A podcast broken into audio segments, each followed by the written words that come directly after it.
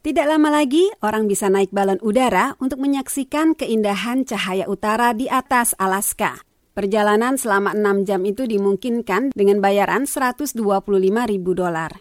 Perusahaan swasta Space Perspective sedang menyiapkan balon udara canggih untuk menerbangkan orang dari satu tempat di Alaska ke titik tertinggi atmosfer bumi. Harian Anchorage Daily News melaporkan perusahaan pemula berbasis di Florida itu berencana menggunakan Pacific Spaceport Complex di Kodiak, Alaska sebagai salah satu lokasi peluncuran kendaraan berbalon udara yang disebut Spaceship Neptune.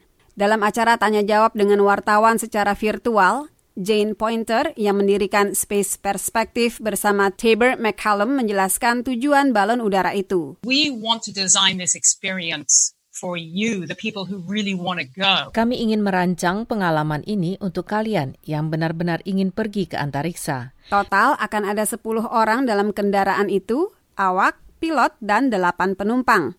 Wahana itu berupa kapsul bertekanan di bawah balon hidrogen seukuran stadion sepak bola.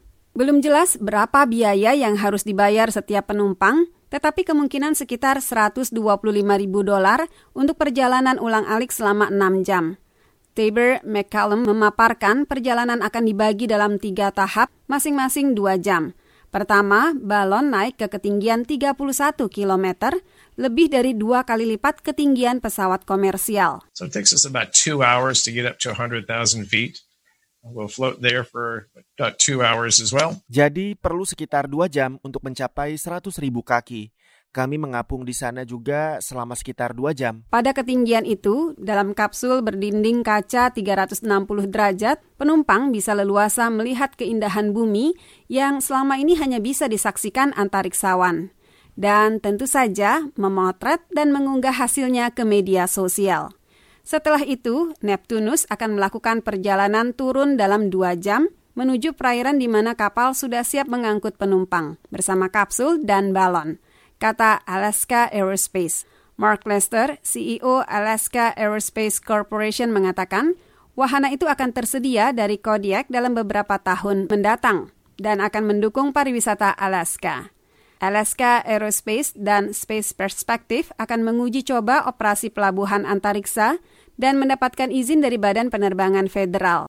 Space Perspective berencana menyelesaikan uji terbang nirawak dari fasilitas pendaratan pesawat ulang-alik antariksa milik NASA di Kennedy Space Center, Florida tahun depan.